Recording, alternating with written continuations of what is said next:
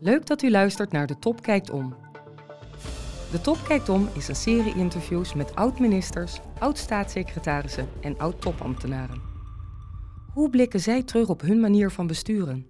De druk van de media en de kwaliteit van de ambtelijke dienst? Hoe gingen ze om met hun overvolle agenda? Wat moeten hun opvolgers doen en laten om zo effectief mogelijk te zijn? In deze aflevering luistert u naar een interview met Sibylla Dekker, minister van Vrom van 2003 tot 2006 in kabinet Balkenende II. Het interview wordt afgenomen door Caspar van den Berg en Erik-Jan van Dorp, opgenomen in juni 2021. Um, ja, eigenlijk uh, is het denk ik een um, goede manier om het gesprek te beginnen om even helemaal uh, terug naar de voorkant uh, te gaan.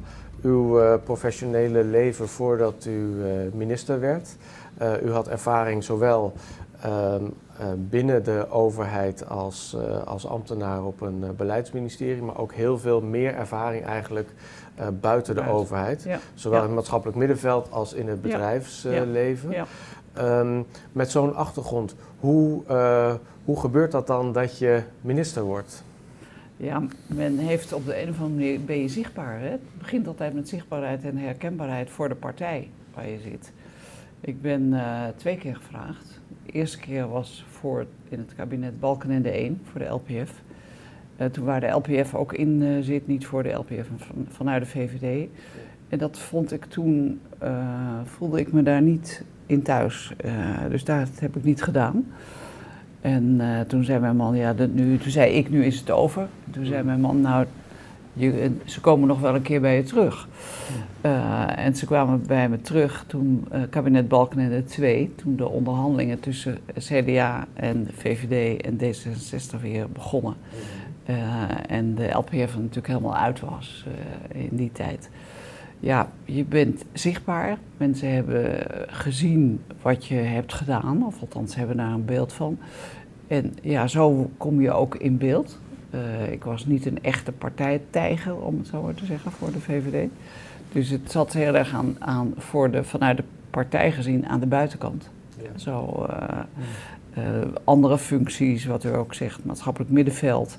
Mijn laatste twee functies voor het ministerschap was natuurlijk algemeen directeur bij de Algemene Werkgeversvereniging. Mm -hmm. En directeur van de Nederlandse Vereniging uh, Ondernemers in de Bouw en Nijverheid, midden- en kleinbedrijf. Ja. Dus dat waren echt natuurlijk de middenveldfuncties.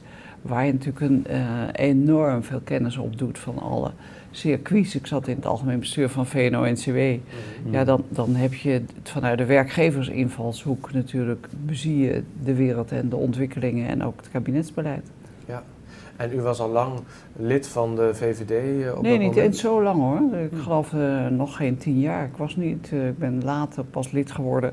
Ik heb toen een aantal zaken gedaan, met name voor de vrouwen in de VVD. Ik heb heel veel gedaan voor het thema doorstroming van vrouwen. Mm -hmm. en dat vond ik in dat, dat, dat opzicht ook belangrijk om dat te doen. En, maar ik was niet echt een grote partijtijger naar de grote congressen. Nee, nee.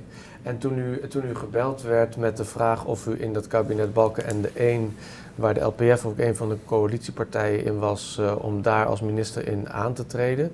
Um, voorzag u toen dat dat geen uh, stabiele coalitie zou worden? Of was, uh... Nee, dat voorzag ik niet. Hmm. Althans, dat kon je toen nog niet voorzien, want het was erg in het begin. Hè. Het was ja. echt een poging tot. Uh, en dat heb ik toen niet, niet voorzien, maar ik vond gewoon, ik voelde me niet thuis bij de opvattingen van de LPF. Ja, ja. Dat was het uitgangspunt. En ik dacht, ik wil dus ook niet, dan moet ik ook niet in zo'n kabinet gaan nee, zitten. Nee. Hmm. En was dat voor dezelfde portefeuille als uh, Nou, dat was toen nog niet zo bestemd. Het was nee. toen helemaal heel in het begin dat men een aantal mensen heeft gevraagd. Ja, ja. Nou ja, we weten dat het kabinet Balkenende 1 niet lang gezeten heeft. Nee, nee, uh, nee. En toen kwam Balkenende 2 en Ja. toen kwam de voorspelling inderdaad uit dat u Ja. uh, opnieuw in beeld kwam. Hoe ging dat toen? Ja, hetzelfde het telefoontje. Het is eigenlijk een heel merkwaardige search, kun je zeggen. Hè? Als je kijkt naar de executive search die je normaliter bij Ja. toch bepaalde hoge posities hebt. Maar je krijgt een Hmm. telefoontje om langs te komen, om het te bespreken. toen wist ik uit, van de eerste keer, dacht ik, nu weet ik wel precies wat ik zou, zou willen, welke twee departementen. Dus ik heb toen ingezet op Verkeer en Waterstaat, toen nog zo geheten, of From. Ja. En ik kreeg, dat vind ik wel een aardige anekdote, ik kreeg van mijn man de opdracht mee, je komt niet thuis met integratie. Want dat is zo'n lastige portefeuille. Daar, uh, daar kun je bijna geen goed aan doen. En daar zijn we nog zo aan het begin van de ontwikkeling van beleid. Dus dat had ik goed in mijn oren geknapt. Natuurlijk werd, word je daar ook even voor gepolst. Maar daar heb ik van gezegd: nee, ik wil echt of deze twee vakdepartementen. En toen was uh, Verkeer en Waterstaat al vergeven aan de CDA. Daar kwam Carla Pijs, ja. die ik heel goed kende overigens. Dus dat was een hele bijzondere ontmoeting ook later. Ja, want die was u al eerder tegengekomen in de Ja, die, die, die zat natuurlijk ook in allerlei maatschappelijke circuits. En als Europarlementariër zat ik, was ik er tegengekomen ook voor de bouw en voor een aantal andere zaken. Dus dat was eigenlijk heel leuk om elkaar dan toen weer zo te zien. Ja. Zaten er meer voor uw oude bekenden in die ministersploeg? Niet echt, niet echt. Carla was er een van de andere waren, ja wel van verre, maar niet echt, uh, die ik van nabij kende. Nee, nee kan me voorstellen dat dat het wel vergemakkelijkt als je al goede contacten hebt. Zeker als het ook bij andere uh, politieke partijen uh, is in de, in de coalitie. Dat daar de persoonlijke verhoudingen goed zijn om mee te beginnen. Ja, maar dat is sowieso prettig natuurlijk. Hè. Je, uh, en de anderen moet je leren kennen. Dat, dat gaat ook heel snel omdat je zo als ploeg natuurlijk echt met elkaar uh, bezig bent. Ja. En dat moet ontwikkelen, je beleidslijnen verder moeten uitwerken. Kijk, dat regeerakkoord ligt er wel. Daar zet je natuurlijk je handtekening echt onder. En op het moment dat je je handtekening daaronder zet, dan overstijg je eigenlijk het partijbelang. Zo heb ik het altijd gezien. Ja. En dan, dan zet je handtekeningen over het totaal. En daar ga je natuurlijk ook voor. Natuurlijk hou je rekening met datgene wat je eigen partij daarin ook heeft ingebracht. Maar dat betekent niet dat je uitsluitend uh, daarna kijkt. Het is natuurlijk het, totaal wat het uh, regeerakkoord eigenlijk omschrijft. En als u nu terugkijkt naar dat regeerakkoord, um, wat stond daar dan in dat regeerakkoord wat voor u de, ja, de centrale opdracht was? Hoe leidend was dat voor... Nou, dat, uh, dat was vrij algemeen hoor, want het was op het terrein van volkshuisvesting spraken we toen nog over. Uh, de volkshuisvesting wel dat de hele, alle ontwikkelingen die daar nodig waren, toch een nadrukkelijke impuls zouden moeten hebben. Dat de wijken daar verder in meegenomen zouden moeten worden. Dat de ruimtelijke ordening, wat natuurlijk een belangrijk thema was, een belangrijk onderwerp of onderdeel ook van mijn portefeuille, dat dat toch tot een nieuwe fase gebracht zou uh, moeten worden. Mm -hmm. uh, en milieu, dat was natuurlijk heel duidelijk ook een van de uh, verbindende thema's tussen alles. Maar dat deed natuurlijk, Pieter van Geel werd in ons kabinet met name gevraagd om milieuzaken te doen. Ja. Mm. Dus ik had echt ruimtelijke ordening en wonen en alles wat daarbij, daarbij kwam. Ja. En Pieter deed alles wat terrein, op het terrein van milieu en internationaal nationale milieuwetgeving en ontwikkeling. Ja, ja. Dan volgt ook het, uh, het constituerend beraad, waar voor buitenstaanders vaak een soort van mythische status aangegeven wordt. Dat moet zo blijven. Dat moet zo blijven. um, maar in uw, uh, in uw herinnering, um, hoe was dat? Want iedereen, ik kan me voorstellen dat iedereen daar best wel onwennig nog met elkaar in de, in de ruimte zit. En mensen proberen misschien nog uh, uh, links en een beetje rechts iets aan hun portefeuille nou, te dat, veranderen. Dat, dat, klopt wel, dat laatste. Maar het eerste is vooral de ontmoeting. Ja. Herinner ik me. Gewoon, je komt dan bij elkaar in een treffenzaal voor het eerst. Hmm. Nou, dat is al imponerend. Hè? Dat is, uh, misschien is dat nu normaler, maar ik vond het heel imponerend. Je, je bent ook geplaceerd. het is niet zo dat je vrij free seating mm -hmm. hebt, om het zo maar te zeggen. Dus je wordt, je wordt geplaceerd en ja, dat is ook wel bepalend in de, waar, je dan, waar je zit. Ook wat betreft de communicatielijnen, zoals dat in iedere groepsdynamica gaat, hmm. is het daar ook. En ja. dat is niet, niet helemaal van tevoren doordacht, maar toch wel een beetje. Daar heeft de secretaris van de ministerraad een belangrijke C in, die is uh, Marianne Hoordijk. Die is, heeft dat al zo vaak meegemaakt, dus die kent ook wel hoe de hoe de ontwikkelingen uh, lopen. Mm -hmm. En ik zat uh, als aan deze kant de minister-president zat en de beide vice-minister-presidenten zat op de kop zat Kees Veerman, dan kwam ik, dan kwam Carla Pijs en dan kwam Hans Hogevorst. Hmm. En dan, nou ja, zo, en dan uh, Piet Hen Donner, Marie van der Hoeven, uh, nee, Gerrit Salomon, die zit, de, de uh, financiën zitten recht tegenover, ik weet niet of het nu nog zo is, mm -hmm. zit recht tegenover de minister-president. Ja. En dat, dat is, was natuurlijk altijd een hele belangrijke lijn. Mm. En, en, daarna kwamen de andere de, uh, departementen, zoals uh, onderwijs, ontwikkelingssamenwerking, buitenlandse zaken niet te vergeten en uh, binnenlandse zaken. Ja, ja, dus hoe de tafelschikking eigenlijk. De placering. In, ja, de placering ja. in de, in de treffenzaal is. daar spreekt iets uit over hoe de assen in het kabinet eigenlijk lopen. Ja. en dat maakt ook iets uit wie je op een natuurlijke manier al aankijkt en waar, waar dat ook contact in de speelt. Zit, waar je in de buurt zit. Dat, zegt niets over de partijverdeling hoor.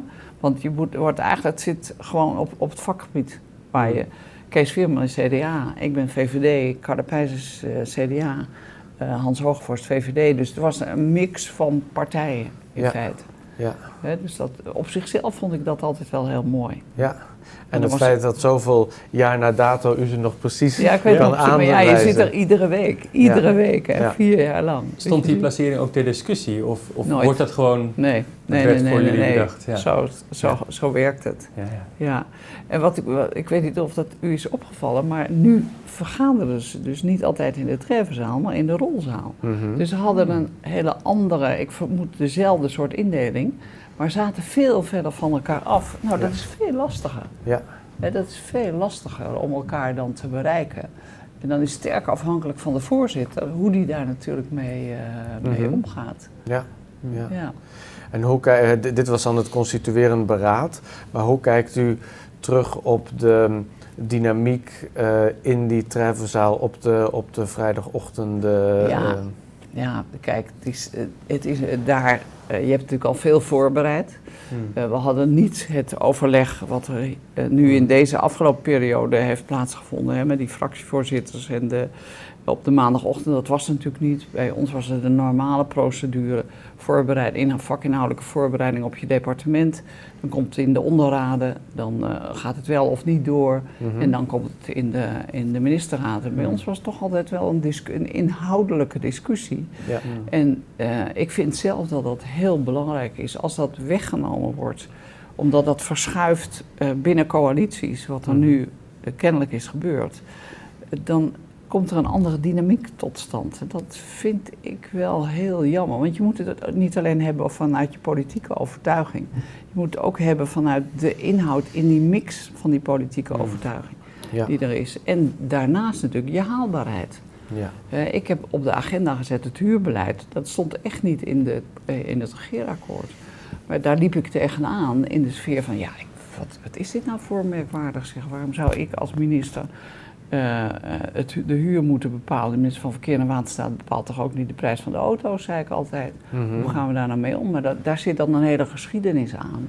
Mhm. Eh, juist vanuit de sociale eh, volkshuisvesting, die wel te begrijpen is, maar waar ik toch wat meer ruimte en ontwikkeling in wilde hebben. Nou, dat zijn zaken die je echt heel goed moet voorbereiden en dan in de ministerraad toch ook wel moet verdedigen. Ja. En dat gaat soms niet in één keer, soms moet je nog een keer terug. Mhm. Om, het, eh, om het nog een keer eens met een aantal collega's bijvoorbeeld te bespreken. Ja, en hoe kreeg u dat? eh, u wilde iets met dat huurbeleid. Hoe kreeg u dat voor elkaar? Wie waren daarin uw bondgenoten of hoe, werden die, hoe, werd die, hoe kon u die steun verwerven uiteindelijk? Nou, do- door, door toch ook wel eerst ook in de Tweede Kamer te sonderen eh, hoe, men de, partijen daar tegenover zouden eh, staan. Mhm.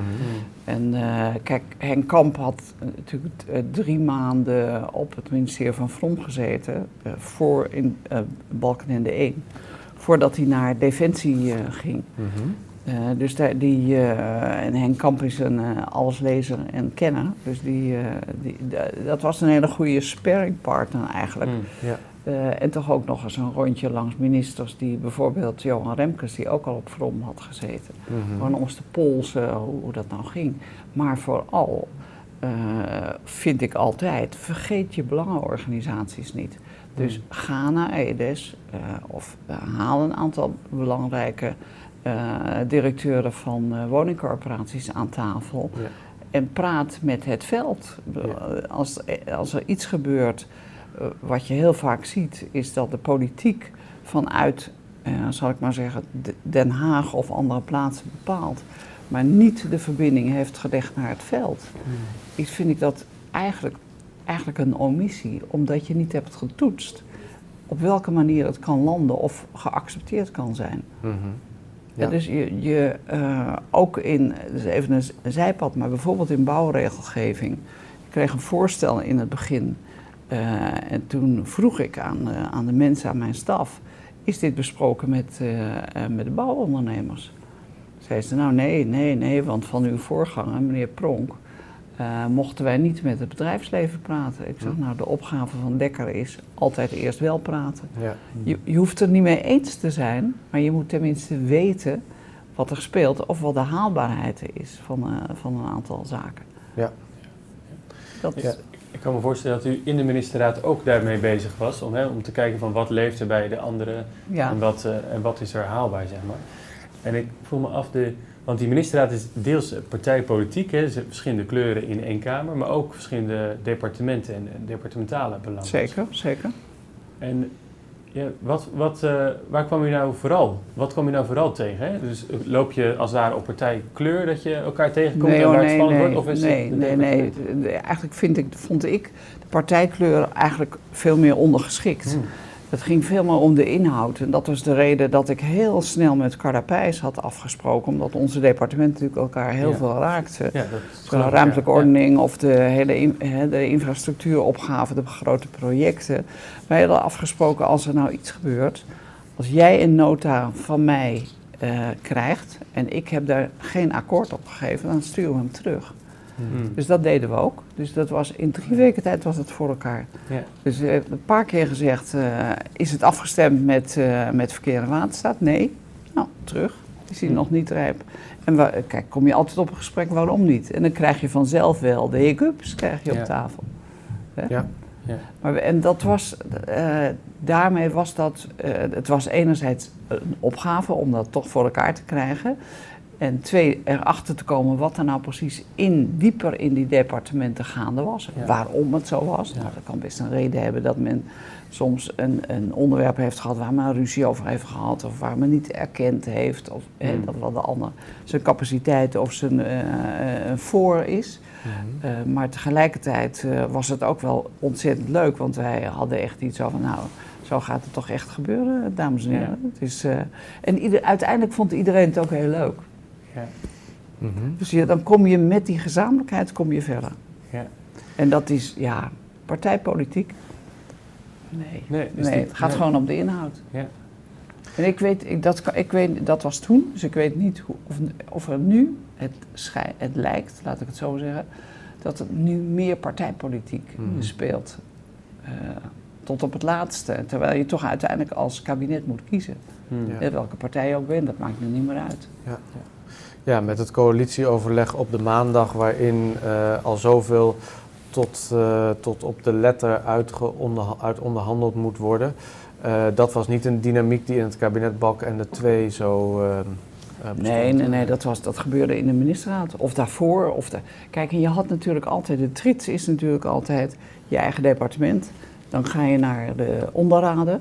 Dan heb je natuurlijk je BPO, hè, ja. donderdagavond, bewindslieden ja. partijoverleg. Daar vind je wel weer het thema de partijtoets, zal ik maar zeggen. Daar mhm. zitten alle ministers of, en staatssecretarissen van je partij bij elkaar. Mhm. uh, en dan uh, bij ons was dat altijd heel kort. Ik weet van het CDA duurde dat altijd heel lang. En, maar wij hadden zo van zes tot acht, en dat was het ook. Dan, ja. dan werden alle thema's doorgenomen, kort, krachtig, de betreffende minister kon dat even kort toelichten wat het moment was, werd gepeild. Mhm. Eh, en, en, Gerrit Salm was natuurlijk de voor, uh, voorman van, mhm. onze, uh, van de VVD-clan. en ja, die tikte het gewoon af of, of corrigeerde nog wat of gaf iets aan. Of, en daar zat natuurlijk ook de, de, bij de voorzitter en de vicevoorzitter van de fractie bij. Ja. Zitten ook bij. Hè? Dus dat was in mijn periode was dat van Aartsen. En ik kom even niet op haar naam. Maar de, de, de, de, de vice-fractievoorzitter. Bibi de Vries? Ja, Bibi de Vries.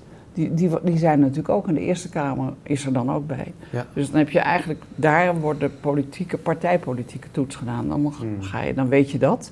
Dan ga je de volgende dag naar, het, uh, ja. uh, naar de ministerraad. En daar vond echt een inhoudelijke discussie vaak plaats. Ja. Wat, waarvan ik denk dat, dat je het nodig hebt om, elkaar, uh, om elkaar te verstaan op de inhoud. En ook om elkaar ja, toch ook vast te houden. Je moet het toch met elkaar doen. Hè? En dat moet ook naar buiten toe. Naar het publiek moet dat ook, uh, is dat ook van belang. Ja. Maar het klinkt nu een beetje alsof er nog binnen het VVD-smaldeel, nog in de Treffenzaal, uh, eigenlijk spanningen waren of grote belangentegenstellingen? Nee hoor, nee, nee, nee, nee. nee. Hm. De, de, kijk, het, het, bespreken heeft niet altijd belangentegenstelling als eh, eh, als, als oorsprong. Mhm. Bespreken heeft vooral dat je op de inhoud het goed kent en het met elkaar eens bent. En of als je erop aangesproken wordt, uh, dat je daar ook iets van kan melden. Ja. Mm. ja. Nee, het gaat niet over die belangentegenstelling. Dat zou ik een verkeerde, verkeerde manier van kijken vinden. Mhm. Het gaat gewoon om waarom kan het belangen zijn. Natuurlijk zijn er belangen, maar het gaat niet om de tegenstelling. Het gaat mm. om de wijze waarop je ze kunt overbruggen. Ja. Dat, daar zit het in, in de ja. Als je in de, in de belangen tegenstelling blijft staan, wat je nu ziet in het proces wat er nu gaande is, mhm. daar blijft de tegenstelling blijft nu overeind. Terwijl het gaat om de verbinding. Ja. Ja. En uiteindelijk mhm. moet je het met elkaar doen. Ja. misschien is de weg die je neemt ja, soms anders, mhm. eh, of eh, zou je een andere keuze maken, maar het gaat uiteindelijk om die verbinding. Ja is mijn opvatting hoor. En dat heb, heb, ik ook altijd zo beleefd. Ja. Misschien even naar uw uh, uh, portefeuille. Ja. Uh, het ministerie van Vrom. het milieudeel werd door Pieter van Geel gedaan. volkshuisvesting, dus de woonportefeuille en de ruimtelijke ordening, die waren bij, bij u. u gaf al aan, um, u wilde iets doen aan het, aan het huurbeleid op het woonvlak. Uh, maar ook op het ruimtelijke ordeningsvlak is natuurlijk veel, veel gebeurd. Hè? De nota, uh, de, nota ruimte, ruimte voor ontwikkeling, die eigenlijk ook de uh, decentralisatie zou je kunnen zeggen, of de rol van de provincies en de gemeenten op het gebied van RO zou vergroten. kunt u ons meenemen in hoe in die tijd over ja, die onderwerpen gedacht werd? Wat waren de knelpunten die toen speelden en welke politieke antwoorden daar en, en ook bestuurlijke antwoorden in de zin van hoe je dat dan organiseert lagen er op tafel? Ja, kijk, eh, voor de ruimtelijke ordening, uh, ik heb altijd gezegd, het is niet alleen ordenen, maar het is ook ontwikkelen. Mhm. uh, dus het kan niet zo zijn dat je alleen maar vanuit de blauwdruk spreekt om te zeggen, zo moet het gaan en zo is het ingedeeld. Mhm. Daar horen de mede-overheden of lagere overheden, de mede-overheden, provincies en gemeenten bij betrokken te zijn. Maar hmm. niet de decentralisatie heb ik altijd voorgestaan die er nu is. Mhm. Maar er is een, altijd een nationaal kader. En dat nationale kader, daar, dat neemt, wordt meegenomen ook in de provinciale afweging, ook in de gemeentelijke afweging. Zodat je die verbinding hebt van, van het nationale niveau naar het provinciale en uh, gemeentelijk of regionaal uh, niveau. Dat is echt iets anders dan de, de, de, decentralisatie die nu helemaal naar de andere kant ligt. Mhm. En uh, wat, wat je ook ziet nu, dat er een grote discussie is tot hoe ver moet dat teruggehaald worden. Ja. Ja, daar, daar zit de spanning op dit moment. En moet het wel, wel gebeuren? Dat worden de vraagstukken voor nu. Ja. Nou, dus wat ik altijd belangrijk vond, is dat die ruimtelijke ordening toegroeide naar ruimtelijke ontwikkeling. Mhm. En daar allerlei aspecten die je in de, ruimtelijke, uh, in de ruimte eigenlijk moet meenemen en benoemen, dat je die ook benoemt en, en probeert te integreren. En tenminste met naast elkaar te zetten en te mhm. kijken hoe de samenwerking daar, daarvan mhm. is. Dus het gaat, het gaat om de sec, de ruimte zelf die, die er is.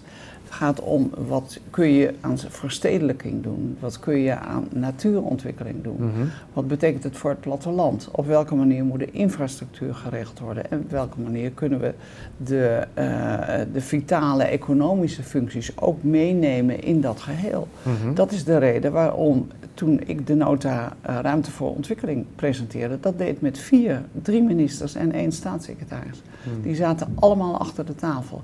Toch ook als demonstratie dat je dingen niet los van elkaar kunt zien. En natuurlijk was daarna kwam er de nota uh, over de, de, de, de MEERT, hè, de, infrastructuur. Uh, het heet even anders, maar de, natuurlijk komt dat daarna. En natuurlijk had Kees Veerman het thema vitale platteland en Karin van Gennep over de verschillende economische netwerken. Maar de stedelijke netwerken, verbonden met de economische netwerken, stonden in mijn nota ruimte. Ja. Er is altijd, je moet beginnen daar waar het begint. Dat is gewoon de ruimte zelf. Mhm. Deze ontwikkeling hier in dit gebiedje, mhm. je kunt gewoon zien, daar is een keuze gemaakt om die, die verstedelijking eh, te laten groeien, maar niet zozeer de stad als wel de, uh, de kantoorfuncties, de bedrijfsfuncties zijn hier neergezet. Nou, Je kunt zien wat, daar, wat er dan gebeurt. Dat wordt een soort gebied waar er geen andere functies bijna te vinden zijn. Ja. Ja. Dus voor de, voor, de, uh, voor de gezellige tentjes, de restaurants, dan moet je voor naar buiten. Ja. Uh, dus als je kiest, heeft het altijd een beperking, maar je moet dus ook kijken naar de mogelijkheden. En mhm. vooral voor de verbindingen. Dus voor mij was die nota ruimte ongelooflijk belangrijk. Ja. Maar je zegt dus eigenlijk die nota ruimte, die was in uw visie er meer voor bedoeld om het interbestuurlijke samenspel um, te intensiveren dan om te decentraliseren van het Rijk naar provincies en gemeenten. Ja. ja, en dat is, uh, maar dat was niet het hoofddoel, dat is, was het gevolg van. Want je kiest vanuit de ruimtelijke ontwikkeling voor de inhoud, hè, ja. uh, waar het over gaat. Mm -hmm. En dan is de, de, en de, eigenlijk de voorwaarde is een goede interbestuurlijke samenwerking. Ja. Kijk, als het ene dorp of stadje uh, een zwembad wil en vijf kilometer daarnaast wil, die, wil men ook een zwembad mm -hmm. op bedrijf, dan moet je je echt afvragen. Is dat nou nodig? Kunnen die, kunnen, natuurlijk is het mooi om, als, om, om dat soort functies te hebben. Maar de vraag is wat je er uiteindelijk kan, of het economisch haalbaar is. Ja. Hmm. dus dat soort vragen vind ik, moet je vanuit het Rijk, als de provincie dat niet, moet je vanuit het Rijk op, op tafel leggen. Ja, ja. Um, inmiddels bestaat er geen eigen departement meer voor ruimtelijke ja, ordening. grote fout. Hoe kijkt u daar tegenaan? Bij deze. Ja.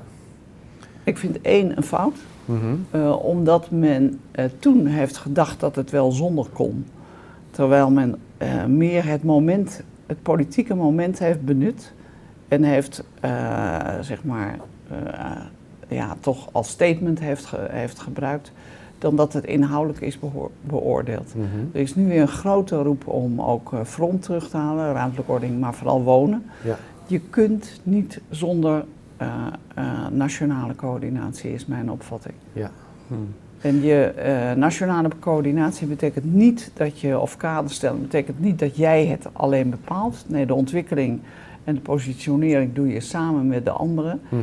Maar ja, hoe, hoe gaan we nu met de ruimte om? Mhm. Er is nu een grote bij de vier departementen waar het over gaat. Ja. Uh, is nu een, een, groep gevormd door de SG's. En die hebben al die initiatieven van de resten, van de woningbouwopgave, nou, noem, noem maar op. Mhm. uh, die hebben al die, die is even geplot op een kaart. Nou, dan weet je dat je niet uitkomt. Ja. Want, is, want je, je zit niet aan de voorkant, je zit eigenlijk al bijna aan de achterkant van de beleidsontwikkeling. Ja. Hmm. Dus voor al die ruimtelijke vraagstukken zou je één integrerend departement met een bewindspersoon nodig hebben. En vindt u dan dat die ruimtelijke vraagstukken, dat dat een soort van kerndiscipline binnen het Rijk zou moeten zijn? dat vind ik wel. Dat zou echt weer terug moeten. Het hoeft niet zoals het was, want de dingen gaan voorbij en zijn hmm. anders. We hmm. zijn tien jaar verder of langer. Uh, laten we het in hemelsnaam doen zoals het nu past in deze tijd. Maar accepteer wel dat je, dat je het gewoon een ruimtelijk kader nodig hebt. Ja, ja. En ik, ik hoop dat dat ervan komt. Ik ben er nog niet van overtuigd. Ja, ja want als je de discussie uh, nu volgt over hoe bij, bij, uh, bij formaties gekeken wordt naar departementale reshuffles, om het zo maar te zeggen hoor je het SG-overleg ook zeggen van nou, uh, niet elke vier jaar uh, alles op de schop. Wijs bewindspersonen aan op belangrijke thema's en laat ons als SG's dan die ambtelijke ondersteuning organiseren. Dan hoef je niet de hele tijd te verhuizen en dan ben je de eerste twee jaar daarmee bezig. Uh, dat is één argument wat op tafel ligt. Er zijn anderen die zeggen van ja, maar voor, voor ruimtelijke ordening, voor de ruimtelijke vraagstukken, is het geen kwestie van nu de indeling overhoop halen, maar het is eigenlijk het herstellen van een van een fout uit het verleden om daar toch weer een eigen departement van te maken. Ja. Ik Hoe staat u in die discussie? Nou, ik denk dat je echt terug moet. Ik snap de SG's, hmm. want die, ik heb dat gesprek laatst gehad vanuit de functie die ik nu heb voor de coördinatie. Ik ben voorzitter van het Noordzeeoverleg. Ja. De, naar aanleiding van het Noordzeeakkoord. Daar vind je, uh, even, dat is even een terzijde, maar wat is dat? Dat is eigenlijk ruimtelijke ordening op zee. Mm. Daar vind je echt twaalf functies bij elkaar. Uh, komen daar straks misschien nog wel even op hmm. als voorbeeld. Die, uh, die allemaal toch op dat die anderhalf keer Nederland uh, in, zee, in en op zee moeten worden verwerkt. En ehm, daar vind je ook, er moet gewoon een basis zijn waarop mensen ook kunnen toetsen. Mhm. En dat is een, een, dat is ruimtelijke ontwikkeling of ruimtelijke ordening ook. Dus ik zou ervoor zijn om het wel heel nadrukkelijk te, uh, ja, te identificeren, zal ik maar zeggen. Mhm. waardoor, uh, ja, waardoor je toch ook de erkenning hebt dat dat gebeurt. Misschien kun je een variant bedenken dat de, de, de departementen eh, gewoon overeind blijven, maar dan moet je wel een politiek-bestuurlijke uh, of een, minister daarvoor aanwijzen. Ja, ja. En, dus de minister die een zetel heeft in de treffenzaal, in dit verband is belangrijker dan het ministerie als een, als een gebouw. Ja, ja maar hmm. u, u, weet hoe het gaat. Als je alleen maar als commandant de commandant bent en het leger is ergens anders opgeborgen, wordt de strijd heel moeilijk. Ja. Dus je, je moet een organisatie daaromheen hebben die uitgerust is. Die vind je nu natuurlijk gemengd bij uh, Binnenlandse Zaken. Uh, die een heel bestuurlijk accent hè, legt op mm ruimtelijke ordening. Mhm. Ehm, en te begrijpen voor hen. Zij hebben natuurlijk ook de woonportefeuille. maar, en daarnaast vind je een deel ook bij infrastructuur en waterstaat op dit moment. Ja. En, en economische zaken, je ziet het gewoon, die worstelen ermee. Ja. Hmm die raken het wel. Mhm. Eh, bijvoorbeeld nog even de keuze voor wind op zee. Mhm. We zoeken nu grote zoekgebieden voor wind op zee. Uh, die moeten nu al bepaald worden. Wil je in 2030 daar kunnen beginnen? Ja. Nou, dat, dat, dat, dat betekent dat, uh, dat je dan ook moet kijken waar dat dan geplot zou kunnen worden mhm. op zee, in welke gebieden.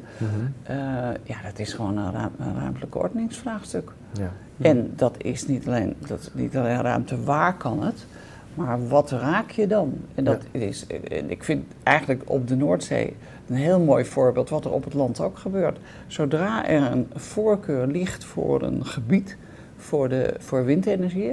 Dat worden hele grote parken. Mhm. Die, en die nieuwe windmolens die zijn enorm hoog. Die worden 200 meter hoog. Dat betekent dat je de verankering in de zeebodem, die moet enorm zijn. Mm nou, denk dat maar wat. Dat moet voor de vissers acceptabel zijn. Dat moet voor de natuurorganisaties moeten het uh, idee hebben dat de natuur die je daar verstoort, tenminste ergens anders kan worden gecompenseerd. Mhm. Dat moet voor de scheepvaart moet het, uh, veilig zijn. Uh, en voor, de, voor het besturen mm moet je in ieder geval zorgen dat je dat dat dat ook blijvend is. Mhm. Er hoeft maar iets te gebeuren uh, en de doorgang voor de grote scheepvaart, en dat zijn geen kleine scheepjes, nee. uh, die, uh, die we allemaal kunnen zien liggen soms vanaf het strand. Maar ja, dat, dat moet veilig. En dat zijn, dat zijn internationale verdragen waar je mee te maken hebt. Dus dat mhm. moet in die ruimtelijke inpassing, zal ik maar zeggen. Dus u zegt eigenlijk, daar zitten al die facetten van ruimtelijke ordening, die zitten daar aan. Ja. En dan is het eigenlijk gek dat dat binnen EZK gebeurt? Uh... Nou, ik vind het, nee, dat is hm. niet zo gek. Het is hm. prima dat bij EZK gebeurt. Dat, dat is het vak uh, departement om dat te doen. Mhm. uh, maar tegelijkertijd moet EZK eigenlijk zich nog meer realiseren welke consequenties het kan hebben. Ja. Dus dat is ook de reden dat zij heel nadrukkelijk, er zitten drie DG's in mijn overleg, naast de groep van vissers. Mhm. Eh, drie, uh, die, die overigens nu niet aan tafel zitten, maar die, zijn, uh, die komen wel weer terug. Mhm. de, de, drie, er zitten drie vertegenwoordigers van NGO's, van natuurorganisaties, met daarachter nog zeker drie tot vier natuurorganisaties. Er zit een grote scheepvaart mhm. met alle rederijen, met de toegang tot de havens, met de veiligheidsmarges die daar, of marges, nou ja, veiligheidsvoorschriften moeten, moeten zijn. En dan vergeet, vergeet ik er vast een. Ehm, eh, plus die vier eh, DG's. Daar werk je aan de integratie. En soms kan dat niet in één keer. Want dan zijn de belangen bijvoorbeeld voor de natuur, die, die de NGO's graag willen, beschermde gebieden instellen. Mhm. waar de natuur weer kan, uh, zeenatuur kan weer kan floreren. Ja. En een uh, zee zich kan herstellen. Ja, dat zijn afwegingen waarvan het eigenlijk gek is dat we die niet op land maken. Ja, ja, ja. We gaan even weer terug naar de periode 2003-2006. Uh, we raakten net al even aan de, aan de ambtelijke ondersteuning. Met als je een commandant bent, dan wil je ook je mensen bij je, bij je hebben. Um, het is misschien goed om daar even op, uh, op in te gaan. Hè, u had natuurlijk zelf eerstehands ervaring als Rijksambtenaar bij, bij LNV ja. als directeur. elf jaar binnen de Rijksdienst. Um, maakte dat een verschil? dat maakt dat het u... makkelijker. Ja. Je, hebt, je weet eigenlijk hoe het werkt. Hmm. dat, is, dat, dat maakt het enorm veel makkelijker. Je weet hoe de lijnen lopen, hoe, je, uh, hoe, hoe dat werkt, waar de besluitvorming uh, besluiten is. Dus je, in plaats van dat je er deel van bent, sta je er nu boven, politiek, mm bestuurlijk boven en toch mee. En, dan weet je ook waar je natuurlijk met de besturing. Uh, Marianne Sint was mijn SG, nou die hebben jullie ook al geïnterviewd. Die, dat is natuurlijk heel belangrijk dat je een hele goede verbinding hebt met je SG en mhm. haar staf, ja. directe staf. Dus het maakt het voor mij veel makkelijker. Ja, u hoefde daar niet op ingewerkt te worden. Nee, daar niet Kom meteen aan, de, uh, aan de gang. Nee, ja, ja. Nee. Daar niet op. Wat, wel altijd, wat ik altijd een punt vind en vond, is de openbaarheid. Dus zodra je in de Kamer zit, eh, een AO, hè, dat, wist helemaal niet wat een AO was, dan word je wel geïnformeerd maar toch. Mhm. Eh, ja, dan, dan is het openbaar. Dan zit, uh, dan zit en de pers zit, zit erbij en de Tweede Kamerleden zitten erbij. Mhm. En je eigen staf mm -hmm. naast je. Maar je moet het op dat moment wel doen. Ja, ja. Wat, hoe, uh, dat was, uh, daar moest u op ingewerkt worden, zei u? Of, dat nou ja, daar word je niet, eigenlijk word je in diepe gegooid. Ja, en hoe hoe, ja, hoe ja, ik weet mijn eh, eerste, mijn eerste... Hoe word je daar dan wijs en, en handig mee? Nou, door het te doen. Door het te hmm. doen. En achteraf van je, van je eigen staf toch ook wel feedback te krijgen. Ik weet nog wel, de eerste, mijn eerste AO was, ging over studentenhuisvesting. En dat deed ik samen met Annette Nijs. En het was bovendien niet in de Tweede Kamer, het was geloof ik in de oude zaal of zoiets. Want er was de ruimte, daar was iets hmm. mee. Nou, één, ik vond, ik zat hier en daar zat, de, uh, en iets daar verder zaten die mensen, waar nu die tafel, dat zit je publiek al, hè, mm openbaarheid. Naast de partijen die dan voor je zitten. Nou, daar moest ik echt ontzettend aan wennen. Hoe, dat, hoe dat dan gaat en hoe dichtbij het is. Mhm. En dat je eigenlijk ongelooflijk goed moet weten hoe het gaat en hoe, hoe het werkt. Dus ik, ik zei nog tegen Annette Nijs die zat er al een jaar, maar die zat in de uh, Alkmaar 1. Ik zei, nou, begin jij maar. Die zei, nou, dat kan helemaal niet. Jij bent de minister, jij moet beginnen. dus ja, je, ja, en natuurlijk heb je tekst voor je. Maar het is toch even heel erg wennen. En gaandeweg, ja. Gaandeweg went dat. Ja, en, en, en, en, wat was hetgene waar u aan moest wennen? Was dat de directheid of het feit dat elk woord, elk uitgesproken woord, dat ligt dan op tafel en dat is dan een politiek feit bijna? Ja, ja, nou dat, dat. Hmm. En het feit, je moet het in één keer goed doen. Ja. Hmm. Zo, je kunt eigenlijk niet missen. Ja. En als, als je een beetje aarzelt, is dat ook al een feit. En als je, als je het niet goed doet, is het ook al een feit. En uh, zoals laatst het Carola Schouten het gewoon even te machtig wordt. En je tranen zijn ook een feit, zal ik maar zeggen. Ja. Dus, uh, maar ik, ik moet zeggen dat ik vond het, dat vond ik altijd wel heel, uh, heel spannend. Ja. ja. En kunt u... dat alles zo eindeloos geïnterpreteerd wordt, hè? Alles wat je, alles, alles wat je doet, zegt of niet doet of niet zegt. Ja. Of, uh... ja. Ja, nou ik moet zeggen, dat was, dat was een harde leerschool, maar die heb je ook wel nodig. Dus als je gewend bent, bijvoorbeeld, collega's Carla Pijs was Europarlementariër geweest, nou dan ken je dat circuit toch al op een andere manier. Dat gaat er toch je gemakkelijker af mm hè, dan... Uh... ja. En werd u als nieuwe bewindspersoon daar op een bepaalde manier in ondersteund? Ja, dat, dat, dat doet je bureau SG. Die, uh, je hebt een, eh, een, eh, een, een, eigenlijk een, iemand die voor jou, een PA heb je. Nou, achteraf was de eerste niet zo'n groot succes, zal ik maar zeggen. Daar ben je dan zeer afhankelijk van. wil je de signalen uit de Tweede Kamer uh, oppikken. Ja, dat is, dat is, ook heel persoonlijk. Dat, ja. Als dat niet goed gaat, dan krijg je de verkeerde signalen, zal ik maar zeggen. Ja, ja. ja.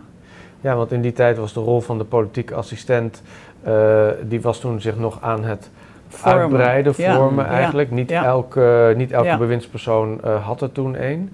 Hoe, hoe was dat voor, hoe was dat voor u? Op ja, welke... men heeft toen iemand gekozen waarvan ik, die heb ik later, dat ging uiteindelijk niet goed. Mm -hmm. Dus dat, daar had ik ook niet zoveel aan. Dus daar, ben ik toen, heb ik toen van gezegd, dit kan echt niet. Nee. Kijk, je bent afhankelijk als minister van een kleine staf om je heen. Je secretariaat, nou waren echt fantastische mensen. Mm -hmm. Die Richard van der Born en, de, en zijn collega, echt geweldig. Die, maar die kenden de klappen van de zweep. Hmm.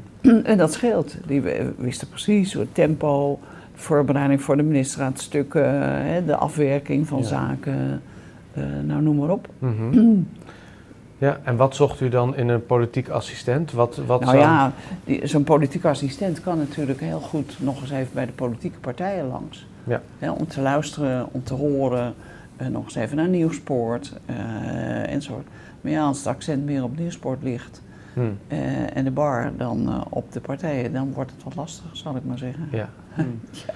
ja. maar, als u, maar als u op die rol, uh, als u op die rol terugkijkt, um, ja, kunt u daar aangeven hoe belangrijk is dan inhoudelijke kennis van, van de portefeuille, ingebed zijn in de, in de partijkrochten, om het zo maar te zeggen. Uh, ja, van de PA, van de ja, wat assistent. Is het, wat is het repertoire? Wat, wat ja, het is eigenlijk een mix. Hè? Mm het is, uh, je kunt niet alleen maar ingebed zijn in de partij. dat is wel belangrijk dat men die contacten en die lijntjes natuurlijk heeft. Maar mhm. dat is niet het enige, want als je dat alleen hebt, maar je, dan ken je de partijorganisatie, maar dan heb je nog niet het politieke circuit. Ja. Hè, wat, daar, uh, wat daar natuurlijk loopt en waar je in moet zitten in de Tweede Kamer. Mm -hmm. Dus dat, het is een mix. Het is ook geen makkelijke functie. Mensen moeten het ook leuk, het moet eigenlijk heel leuk vinden. Zo van daar eens even en daar. En dan kan je, en dan kan, dan kan ik terugkoppelen. En, uh, en natuurlijk afhankelijk van de minister. Bij welk gesprek laat je de PA ook aanzitten? Mm -hmm. En dat is niet bij ieder gesprek. Nee. En dan, daar moet zo iemand zelf ook een beetje feeling voor uh, krijgen. Mm. Ja, en de ene minister heeft een andere band met zijn of haar zeker, PA. Zeker, en, is helemaal waar. Is helemaal waar. Ja, ja. Um, en misschien dan even, uh, dus de, de ondersteuning. Uh, je hebt het, uh, de, het secretariaat bij bureau SG. Je hebt de politieke assistent. en dan natuurlijk het staande ambtelijk apparaat, om het ja, zo maar zeker, te zeggen. daar is nu ook veel daar wordt nu ook veel over gepraat, over ambtelijke tegenspraak enzovoort. Hoe was dat in uw periode? Ja, ik, kijk, ik denk dat, dat zo'n ambtelijke organisatie, als het goed is, zet die zich op de inhoud. Wat je nu natuurlijk ziet, is dat de top heel snel wisselt na vier jaar. dat laatste vind ik niet zo'n goed idee. Want Pardon, want bepaalde dossiers zijn natuurlijk niet in vier jaar tot een eind. Uh, en dan is de kennis die men heeft in het ene ministerie, is misschien in zijn algemeenheid wel toepasbaar op het andere. Maar het vakgebied wat je voor op het andere ministerie wat vereist is, mhm. en dat op een aantal zaken is dat echt zo. Ik bedoel, bij Rijkswaterstaat heb je gewoon techneuten nodig die, die het echt weten. Uh, de, mijn, vorig jaar heb ik uh, de Zuidasdok geanalyseerd. Mm -hmm. Als, zoals het heet, gezaghebbend derde nog eens een hele analyse gemaakt van nut en noodzaak. Daar heb je gewoon vakmensen voor nodig. Mm. Ja. En dat kun je niet alleen maar met economen of bestuurskundigen. Dus je moet zoeken naar de mix. Mm -hmm. En ik denk dat, dat, dat we dat goed in, in het oog moeten houden, ook voor het succes van een aantal grote projecten die we uh, in, de, in de gaten hebben. Ja, dus inhoudelijke vakkennis voor het departement ja. is uh, belangrijk, zegt u. En misschien draait de carousel nu iets te snel om dat goed verankerd te houden. Ja, ja, ja. Ik denk dat men het ook niet altijd erkent. Ja. Dat Hoe zo, was dat in uw tijd? Uh, was het nog niet zo nadrukkelijk hoor. Was dat nog niet zo nadrukkelijk dan dat het nu is? Ik had bijvoorbeeld een hele goede DG die al heel lang in het vakgebied van ja. Annette Bertram, die nu ja. Mhm. DG Rijksgebouwdienst is. Hè. Maar die, ja, die, die, was, die kende het vakgebied van de, uh, van de volkshuisvesting helemaal. Die kende de corporaties, die kende EDES. Dus dat was een ongelooflijke goede uh, sparingpartner eigenlijk, een goede partij. Ook, en, en ook haar directeuren kenden gewoon de zaken daar, daarvan. Uh, en wij hadden een organisatie opgezet. Ik had een organisatie met ook accountmanagers in het land. Hmm. Dus, die, uh, dus niet alleen van bovenaf, maar ook wat gebeurde er, uh, gebeurde er in het land zelf, in, bij bepaalde steden. En ik ging daar ook op werkbezoek om gewoon met de verantwoordelijke wethouders ook te spreken over de voortgang van een aantal bouwprojecten. Hmm. Of waarom heeft men vergunningen afgegeven en waarom gebeurt er niks? Hmm. Wat is dan de betekenis van die vergunning? zo, uh, en, de, en dan maakte ik ook afspraken mee. Dat kun je dus ook doen als coördinerend, als minister. terwijl als je het helemaal nog even op die decentralisatie is, decentraliseert, dan, heb je, dan kun je niet veel minder dwingend kun je, kun je hierover spreken. Natuurlijk moet je het uit overtuiging doen. Maar je moet gewoon zicht hebben op wat er gebeurt en wat er kan gebeuren. De opgave nu voor 10 miljoen. Of 1 miljoen, uh, 1 miljoen woningen. Uh, woningen. Nou, dat mag je wel heel goed inrichten. Ja, ja daar heb je de mensen uit de regio voor nodig. Ja, maar ook het instrumentarium op rijksniveau. Eh, absoluut, ja. absoluut. Ja. U, u, had natuurlijk al een aantal leidinggevende functies gedaan, al een heel aantal eigenlijk. Dus u had al veel ervaring toen u begon. En dan wordt u minister. En dan uh, ja, ben je als daar niet meer ja, iemand die als, daar, als een soort directeur leiding geeft als een minister, maar inhoudelijk als een minister bestuurt zo'n ministerie. Hoe pakt u dat nou aan? Hoe, hoe zet je zo'n toren in beweging, zeg maar? Nou ja, kijk, de, je, uh, ik heb altijd ervaren dat je, mijn leiding, dat je leidinggevende ervaring ongelooflijk belangrijk is geweest. Je weet hoe het werkt, je weet wat de, wat de processen zijn die in een organisatie spelen. Je bent niet de hiërarchieke uh, leidinggevende, dat zijn de DG's of de DG's en de directeuren. Maar je bent wel de politiek bestuurder. Ja. En men noemde mij wel de politiek manager. Uh, zo van, uh, was soms de vraag van, met name van de kant van de communicatie, ben je nu een echte politicus? Zei ik, nou nee, dat geloof ik niet. Maar ik ben wel, ik, ik ben wel de politicus, maar ik manage ook. Ik wil gewoon weten wat er gewoon op tafel komt. Hmm. En, en, en daar moet je je SG en je DG's natuurlijk ook wel zo over mee in de slag. En dat, dat doe je hmm. met je stafoverleg. Ja. En ik sprak ook zaken af. Ja. Toch wel, het moet wel een resultaat hebben en niet alleen maar een uh, mooie omschrijving. Leidde dat ook tot rolconflicten? Ik kan me voorstellen dat zo'n DG of SG ook denkt van ja, ik ben toch de manager hier. Ja, prima. Maar dan wil ik ook graag de resultaten daarvan zien. Ja, ja. Mm Ja. En dat, dat, doe je, dat, doe je niet vanuit een soort uh, een soort hoogwaardigheid, maar dat doe je vanuit het inzicht wat je hebt in die processen. Ja. En dat, dat moet je ook doen, dat, want eh, je wordt er zelf ook op aangesproken. Hmm. Ik moet de resultaten overbrengen als minister naar, uh, naar de, of naar de Kamer en ook uh, op andere terreinen. Dus je, je, ja, je moet dat ook zo doen, ja. vind ik zelf. Dus ik, ja, ik, die, die managerial vond ik ook helemaal niet erg dat men dat zou zijn. Eh, verschoof dat nog? U heeft het uh, goede drie jaar gedaan, zeg maar, die, die, drie, die ministerrol. Was uw rolopvatting aan het begin misschien anders dan later in het traject? ongetwijfeld. Kijk, in het begin ben je ook zoekende ja. naar de verhoudingen en naar je SG en naar je, hè, met je team om je heen. Ik moet zeggen, uh, Marianne Sint is echt een, hele goede SG hmm. geweest. Die, uh, die ook de, de, de ja, goede analyses kon maken en haar staf eromheen ook bureau SG. Dat was ja, eh, prima uh, organisatie. Ja, ook een, een groei uh, toch voor jonge mensen die erin zaten. Dat vond ik ook altijd ontzettend leuk. Ja. En uh, ik moet zeggen, ik heb natuurlijk een hele moeilijke tijd gehad in, midden in mijn ministerschap, ja. omdat mijn man overleed. En daar hebben ze me ook ongelooflijk in ondersteund. Echt geweldig. Mm. En, ja, daar kun je, kun je wel alleen doorkomen, maar met steun kom je er beter door. En je staat onmiddellijk uh, in de kijker, om het zo maar te zeggen. Dus uh, nee, dat heb ik heel goed gedaan. Echt. Ja, ja hoe, hoe uh, dat is natuurlijk een, een, een dramatische gebeurtenis midden, in de, midden in de rit. Ja. Ehm, waar loop je dan tegenaan in hoeveel ruimte er ook is voor het persoonlijke in het ambt? Nou ja, dat, kijk, uh, ogenschijnlijk is dat er niet. Uh, laat ik het anders zeggen. Uh, het hoort er eigenlijk niet, verdriet. Mm -hmm. Maar mijn opvatting is altijd geweest dat je kunt het persoonlijke en het publieke is heel moeilijk te combineren. Dat, dat, dat heb ik, ik heb dat ook een keer tegen in een speech gezegd waar prinses, toen nog prinses Maxima bij was. Uh, die toen haar, uh, haar zus uh, of haar, haar, haar, vader, haar vader mm -hmm. verloor. Ja, je moet toch door.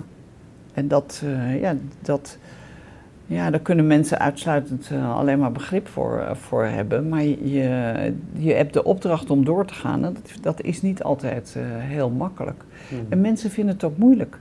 Want al is het alleen al moeilijk als iemand hè, een verlies mm -hmm. heeft dan is het zeker moeilijk als die persoon ook nog een publiek uh, hoog persoon is. Mm -hmm. dat, ja, dat, dat, vinden mensen moeilijk. En dat snap ik wel.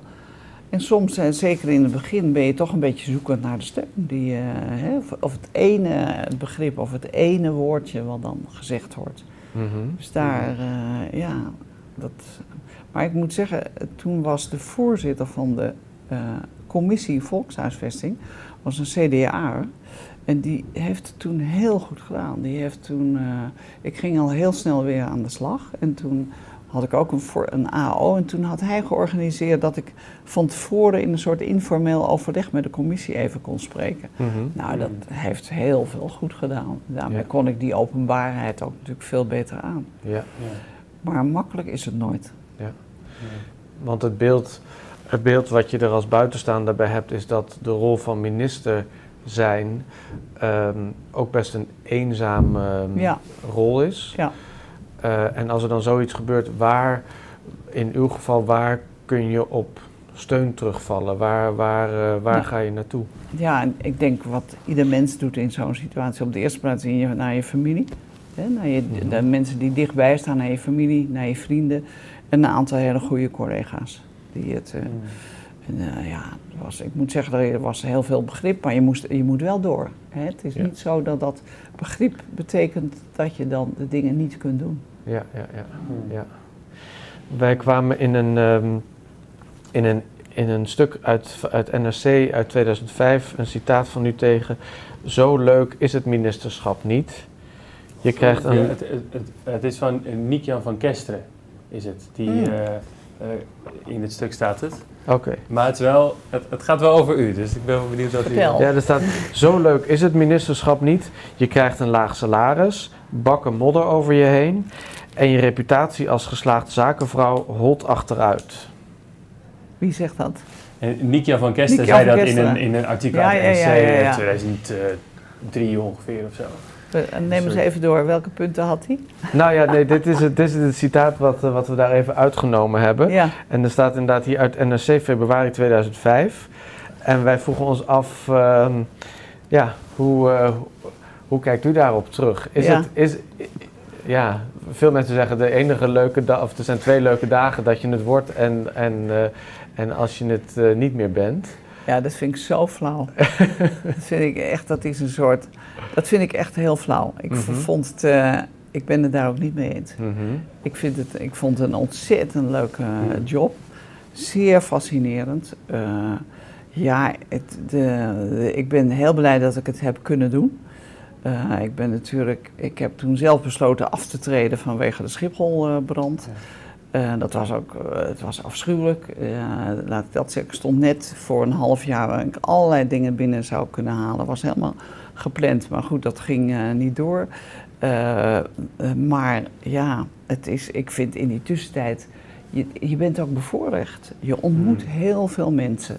Andere, andere mensen. Je ontmoet, ja, je leert andere organisaties kennen. Ik ben altijd iemand geweest die altijd werkbezoeken heeft gebracht. Ik had een 56 wijk, ik heb ze allemaal bezocht. Ik ben ja. overal geweest.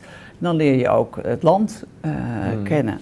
Uh, voor de ruimte uh, heel veel op werkbezoek geweest. Dus ja, dus inhoudelijk is het zeer aantrekkelijk, maar en, ja, dat moet je dus verstaan. Dat is niet niks. Mhm. twee, het lage salaris klopt.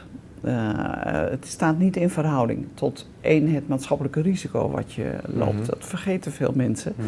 maar dat is natuurlijk wel zo. En ik ging gewoon, ik had natuurlijk naast mijn werk en naast mijn commissariaten die ik had, uh, heb je een heel mooi inkomen. Ja, dat, dat is over. Mijn standpunt is altijd geweest, daar klaag je één keer over en dan is het klaar. Want mhm. anders had je het niet hoeven te doen. Ja. Uh, dus lage salaris klopt. En het profiel van geslaagde zakenvrouw, ach, denk ik dan ja. Ik heb een hartstikke mooie tijd gehad in de zakenwereld.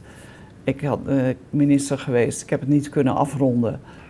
Het is zo, heb ik daarna schade ondervonden om geen mooie andere functies te krijgen? Integendeel. Ja. ja. Ik heb geweldig en nog nu weer dat Noordzee-overleg als toch drie ministers je vragen om dat te doen. Mhm. En dan denk ik, dan kan ik meer waarde leveren en dan ga ik bij mezelf naar, kan ik het? Uh, uh, heb ik de ausdauer daarvoor? Kan ik mensen meenemen? Ik weet dat ik dat kan. Ja. Nou, dan, heb je, dan mag je toch heel blij zijn. Ja. Dus ik heb ook daarna geweldige mooie functies gehad. Ja. En niet via de partij. Uh, maar gewoon omdat men je vraagt en omdat men je heeft ook openbaar heeft gezien uh, of zien functioneren. Ja, ja. Ook vanwege uw reputatie als zakenvrouw, denk ik. Ja, ik dus denk ook en het netwerk. Alles wat, wat u heeft gedaan. Ja, ja, ja, ik denk dat het een combinatie is. Ja, dat vindt men ook. hè? Mhm. Niet alleen de, je politieke functies, maar ook het feit dat je in het bedrijfsleven hebt gewerkt. Dat je de overheid ook van binnen kent. Dus je hebt een soort heel mooi uh, geheel en een groot netwerk. Ja. Eh, eh, had en hebt, heeft, hebt nog. Ja, toch even nog op, het, uh, op uw aftreden ook terugkijken, want dat is natuurlijk een, een belangrijk, belangrijk element. Um, ik zou het interessant vinden om, wat u al even aangaf, u heeft zich altijd ook heel erg voor de doorstroming van vrouwen ingezet. Ja. En ook in uw verhaal hoor ik vooral de uh, vrouwen om u heen mm. die uh, waren... Sinds Bertram. Ja, ja die, die, die, heel, heel belangrijk voor u geweest zijn. Misschien om daar nog even wat over te zeggen. Um, dan een beetje voortbordurend op wat u net zei. Uh, u bent in 2018 minister van Staat geworden. Dat is natuurlijk ook een heel bijzonder, um, bijzondere mm. rol om te vervullen. Ja. Uh, u bent de eerste in onze serie die dat bereikt heeft. Dus dat is misschien, en daar weten denk ik mensen ook uh, heel weinig vanaf hoe, wat dat betekent, hoe dat in zijn werk gaat. En dan afsluiten misschien met um, iets over van, nou inderdaad, stel nou dat het de heren en dames lukt om in uh, oktober met een, uh, met een regeerakkoord te komen. Oktober? Het wordt de oktober inmiddels. Echt waar? het, het, uh, en er zijn mensen die in uw positie terechtkomen die dat telefoontje krijgen. Wat wilt u die mensen meegeven op basis van uw ervaring is? Ik denk dat dat... Dat is, dat is, dat is ja. ja. meer dan genoeg. Ja. ja. ja? Daar beginnen we mee. nou, even over het aftreden en dan... Ja, de, ja. ja. Ja. Ja, nou eh, ja, zegt hem maar. Nou ja, in, in, ehm, in 2006 uh, uh, vond de Schipholbrand uh, plaats. Ehm, nou, een, een, een verschrikkelijke gebeurtenis waar politiek en beleidsmatig ook meerdere departementen en bewindspersonen ja, een, een, link mee hadden. De betrokkenheid vanuit uw portefeuille was die van de Rijksgebouwendienst. Ja. Um, Klein.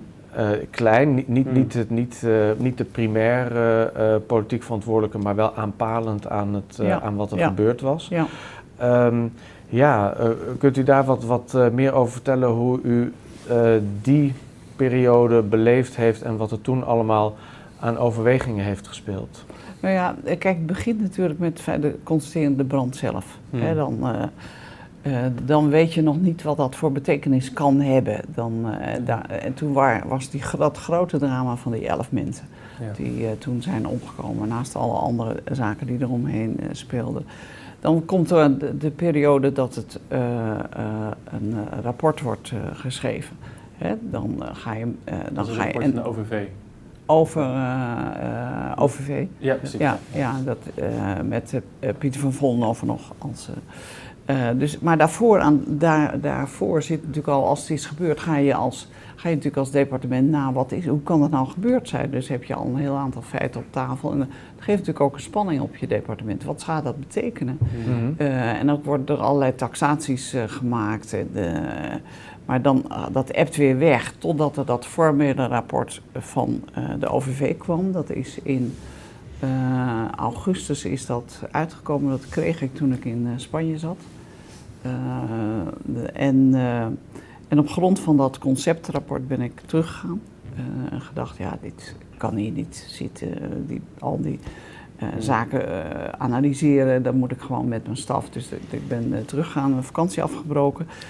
Ja, en dan kom je in een soort malle molen terecht. Dan gaat het heel snel, want dan moet dat rapport toch, ja, dat, dat was wel een concept, maar dan zal dat bevestigd worden. En dan, dan gaat eigenlijk de mode uh, van eh, de COSIP en de taxaties en je, wie, uh, je verantwoordelijkheid en wat speelt er dan. En ben jij dan degene die ook moet aftreden? En dan komt, daarnaast komt het politieke circuit wat zich er doorheen weeft ja, dan kom je uiteindelijk tot de presentatie van dat uh, rapport door Pieter van Vollenhoven. Dat was overigens, vond ik dramatisch wat er gedaan werd.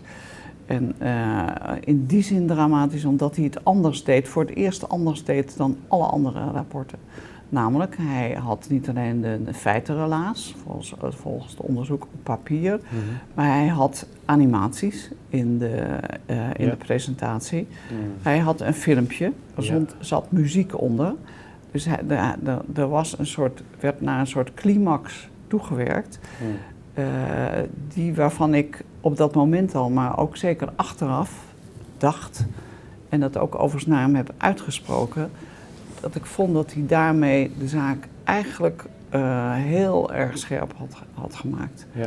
De consequenties waren waarschijnlijk niet anders geweest als het een nuchtere feitelijke constatering was. Maar dit maakte het, als je keek naar de animaties bijvoorbeeld, waar dat de, uh, dat de ambulance bij de verkeerde poort stond. Uh, ik zal maar even zeggen mm -hmm. of dat ja, dat is wel duidelijker dan dat het alleen maar uh, feiten is en cijfers uh, enzovoort. Hmm. Maar goed, dat was. Omdat het zo beeldend was en omdat het zo emotioneel, daar werd het ook emotioneel beladen. Ja, zeker. Hmm. En dat kan, dat was normaliter ook, maar dit gaf een extra accent uh, in ieder geval. Ja, en dan kom je op die presentatie. Die heb ik toen bekeken in het katshuis, want ik had daarvoor nog een hele vervelende brand. Oh ja, dat was de brand in het katshuis. Ja. En uh, dat was in augustus uh, was dat uh, geweest. Daar was ook iemand bij omgekomen. En ik was daar verantwoordelijk voor. Ik had overigens de avond daarvoor had ik nog een inspectie gehouden met de Rijksgebouwdienst door het pand, door het katshuis. Dus en de, de volgende morgen werd ik gebeld. Dus toen heb ik dat ook verklaard aan de pers. Maar daar is een schilder bij omgekomen. En, op de, en ik vond dat er uh, bij het katshuis in ieder geval een kleine gedenkplaats voor die schilder moest komen. Mm -hmm. Dat is ook gebeurd, staat aan de zijkant. En op de dag van de uitkomst van het rapport van de Schipholbrand was ik met de familie van de schilder op het katshuis. En heb ik met hen eigenlijk dat plaatje uh, toen mm. onthuld als mm. gebaar naar waar zij voor stonden.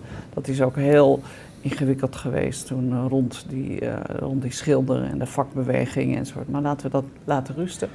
Maar wat een dag, want u, ja, u, was daar met die mm. familie en u wist al van de inhoud van het ik rapport, wist dat wat later die komen. dag zou komen. Ja. En ik wist alleen nog niet hoe laat. En toen was het duidelijk dat het om 11 uur. Toen heb ik dat rapport heb ik op het katshuis ook bekeken. Daarna heb ik een uh, gesprek gehad en, met de top van, het, van de partij. En zo werkt dat ook. En daar, en daar was al duidelijk dat uh, ja, Pietijn Donner was natuurlijk de eerste verantwoordelijke en ik was de tweede verantwoordelijke. En ook al was het maar klein, hè, doordat het, uh, de ontluchting uh, van, in die ruimte, in die cel niet openging, is dat natuurlijk ja, is dat binnen, die, binnen die, die cel gebleven van die ene, die ene asielzoeker. En ja. het feit dat hij ja, een, sigaret heeft weggeschoten op dat matras. Uh, en vervolgens de deur is open blijven staan. Die is niet dichtgedaan door de beveiliging. Is die brand, ja, heeft geëxplodeerd tot en met. Maar hoe dan ook, er kwamen elf mensen om. Ja. En we, we, willen toch niet weten hoe dat is geweest voor ja. die mensen. Dus het was vreselijk. Het was echt vreselijk. Dus ik, ik, toen heb ik direct gedacht, uh, kijk, er is maar één die de beslissing kan nemen, dat ben ik. Ik laat me niet wegsturen door de Tweede Kamer omdat ik hen wil overtuigen. Ik vind dat dit het veel te veel is. Ik neem mijn verantwoordelijkheid en zo zal ik er ook uitgaan.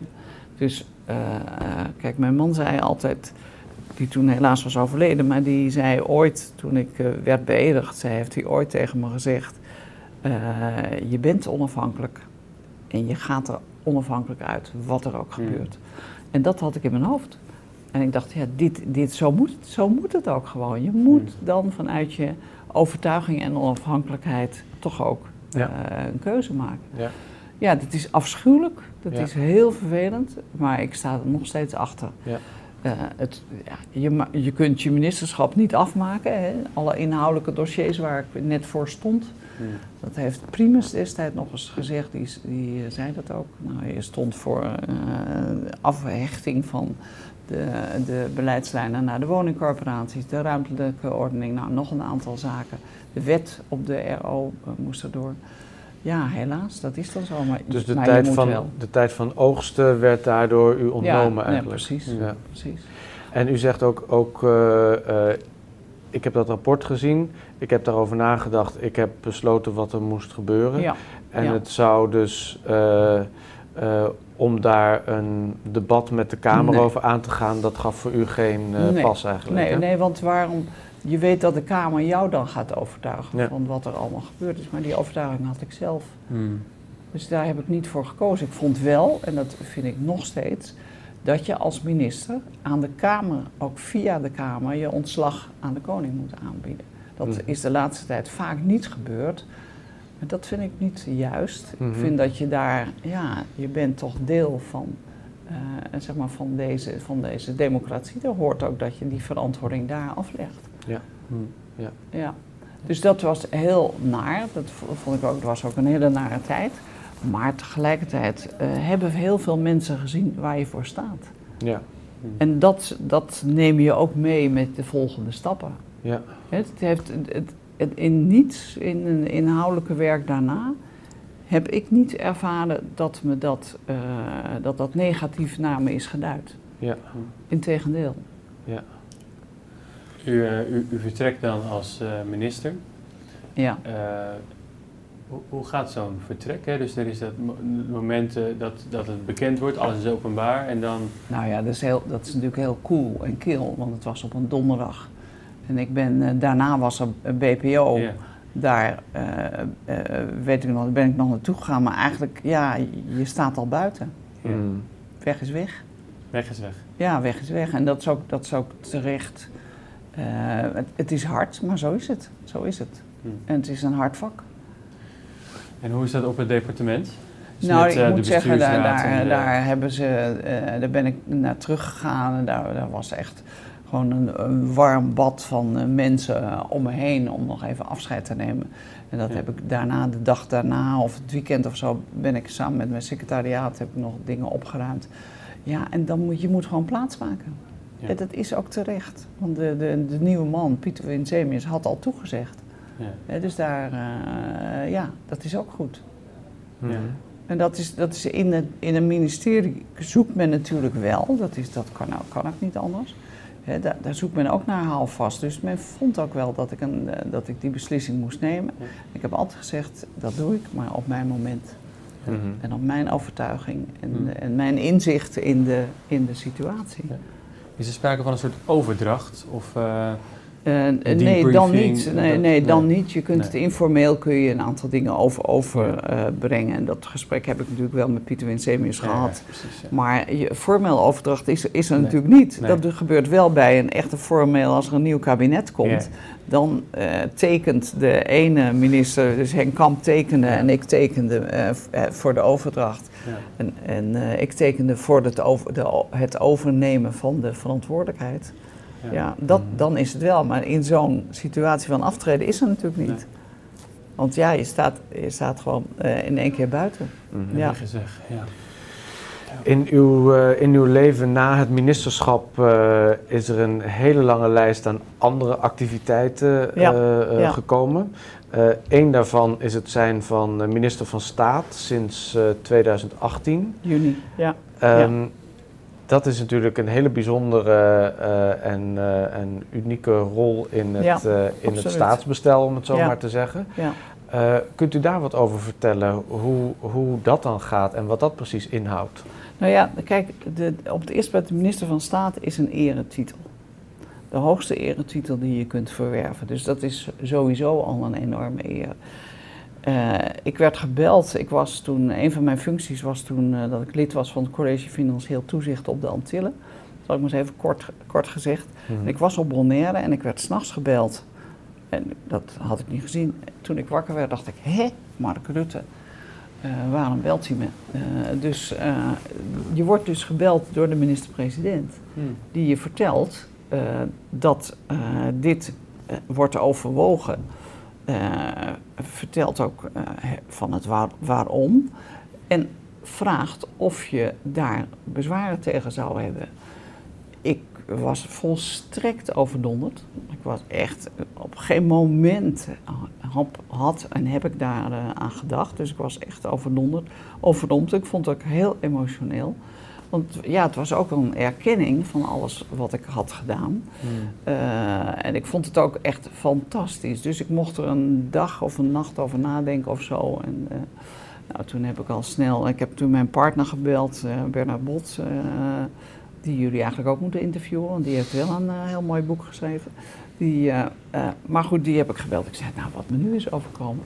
Zeiden ja, natuurlijk. Ja.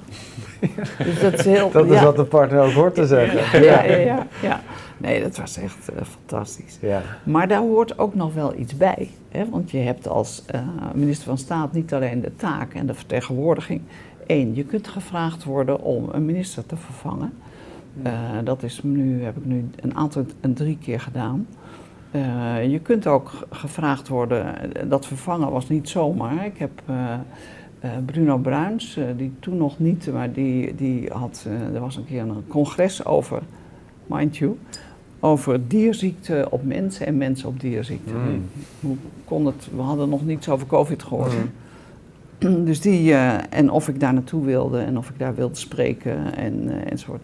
Dan krijg je een telefoontje op woensdag en uh, zaterdag gaat je vliegtuig. Of vrijdag.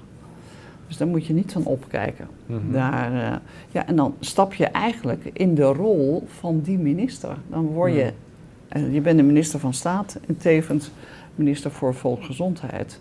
En je, je, ja, je neemt die rol over en je spreekt op dat congres. En, ja, en je onderhandelt met de Amerikanen. En ja, zo, zo gaat dat. Mhm.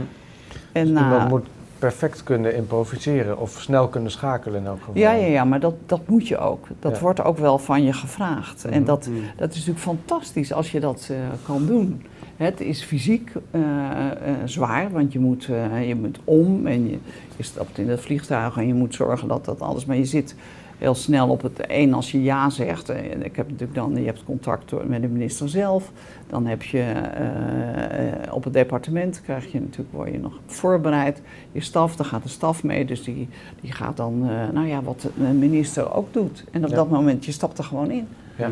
En uh, je bent de vertegenwoordiger van Nederland en je staat naast, naast de minister van uh, Volksgezondheid van Indonesië. Mm -hmm. Dus dat heb ik in Bali gedaan in 2019 en toen in 2020, vlak voor de COVID. Toen uh, zei Bruno Bruins, nou, ik heb het zo ontzettend druk. Dus die zat toen vlak voor die periode, was nog niet duidelijk. Mm -hmm. En toen kreeg ik een telefoontje en dat was, er was een grote delegatie mee van 170 bedrijven, heel divers, maar ook van life science bedrijven. Uh, mee met staatsbezoek aan Indonesië. En of ik mee wilde, naar het, ging naar het staatsbezoek en of ik dit wilde overnemen. Ja, nou, ik heb weer mijn partner geraadpleegd en die zei, nou, dat moet je natuurlijk doen. Wat is dat nou? Gewoon doen. Mm. En je moet, kijk, je moet er, je fysiek, moet je dat aankunnen. Ja. Dus dat moet je je wel realiseren, want je zit inderdaad, want ik ging met de vlucht mee van 15 uur van Amsterdam naar Jakarta. Ja. En zodra je in Jakarta land begint het gewoon. Ja. En van tevoren heb je nog overleg met je staf. En dan, dan begint het. Maar ja, als je daar je op instelt en je vindt het leuk om te doen en je denkt dat je het kunt. Ja. Ik heb het ook gedaan, ja, dan, dan doe je het ook. Dan hou je de speeches en dan ga je met die, met die groepen van bedrijven aan de slag. En dan straal je uit dat je het uh, geweldig vindt. Ja, ik ben niet de kenner, ik ben niet de deskundige, maar daar heb je je mensen voor. Ja. Maar je weet mm. wel hoe het werkt. Ja, ja, hè, hoe je je deskundige mm. kan inzetten. Dus minister van Staat is eensdeels een eretitel. En anderzijds kun je gevraagd worden om toch uh, de rol op te pakken van die minister of de staat te vertegenwoordigen. Mm. Winnie Zorgdrager, die gelijk met mij is benoemd, is toen naar het, uh, de begrafenis van Bush geweest in, uh, in, in Amerika. Ja, dat zijn toch hele bijzondere dingen. Ja. ja. Hele bijzondere zaken. Dus het, ik, vind dat, ik vind dat op zich al eervol. Ja. dat dat gebeurt. Geweldige bekroning op, het, op een lange staat van dienst. ja, ja, ja, maar goed, dat hebben, hebben velen.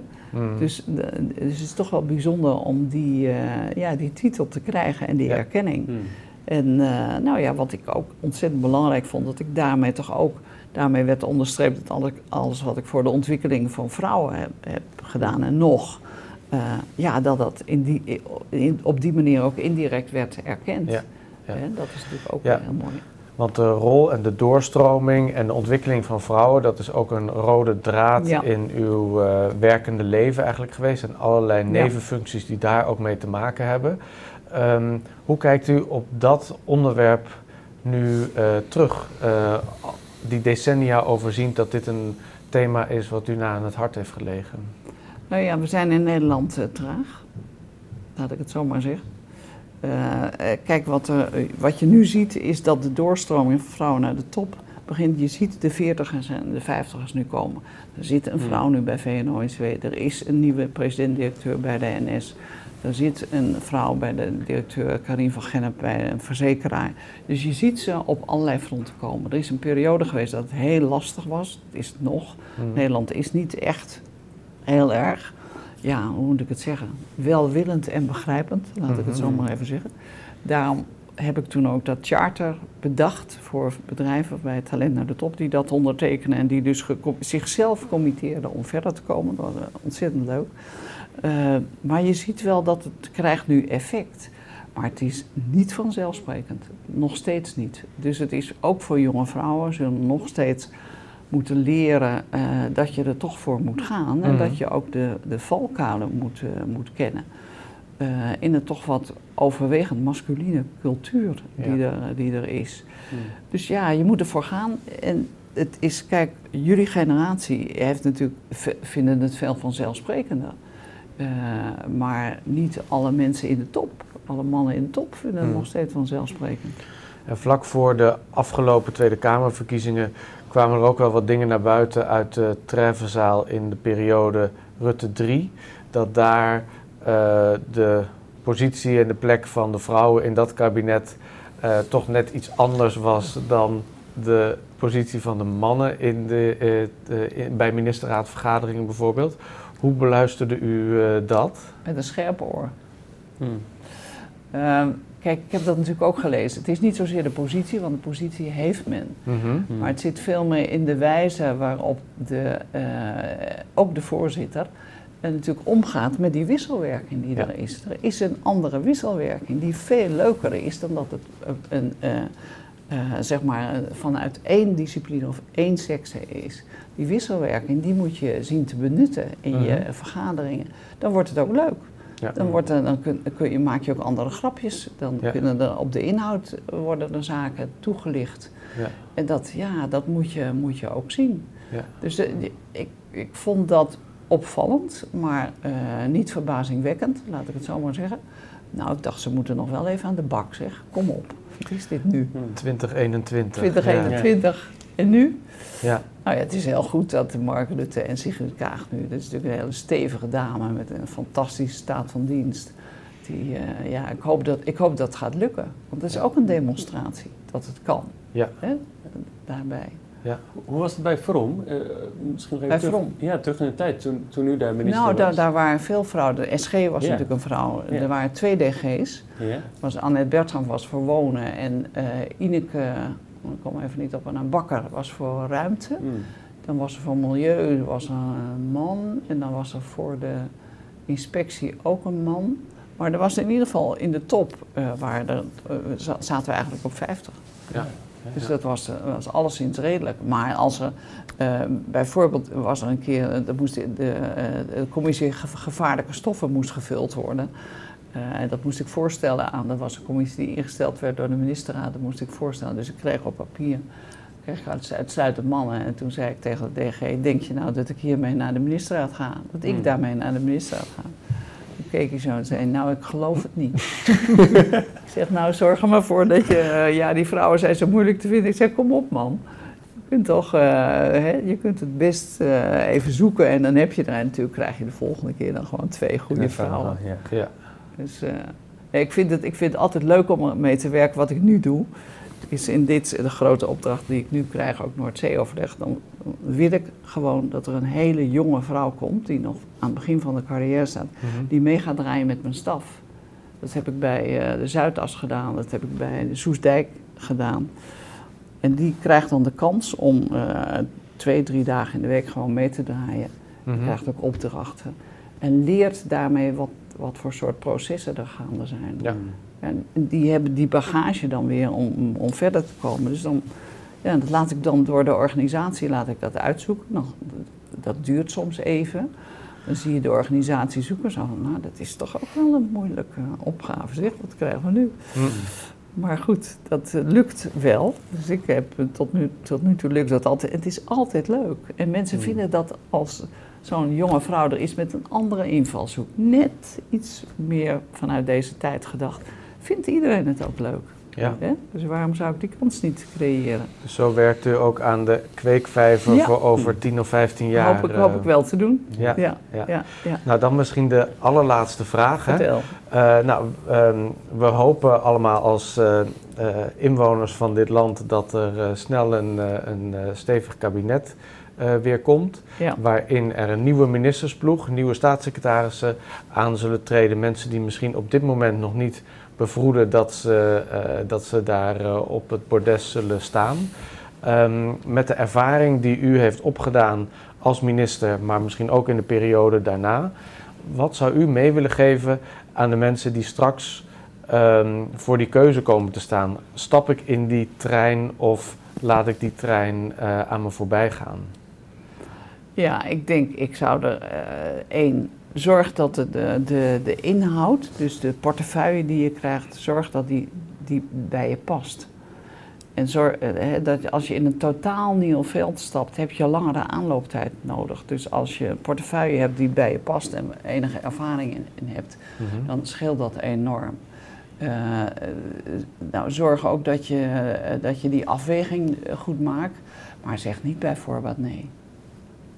Zeg niet bij voorbaat nee, want dat zou, dat zou echt zonde zijn. Je staat niet voor niets op zo'n lijstje. Mm want zo, zo werkt het natuurlijk. Dus, en, en daarnaast weet welke, hoe, hoe de, als je weet hoe het werkt in een ministerie, is het natuurlijk uh, echt heel prettig.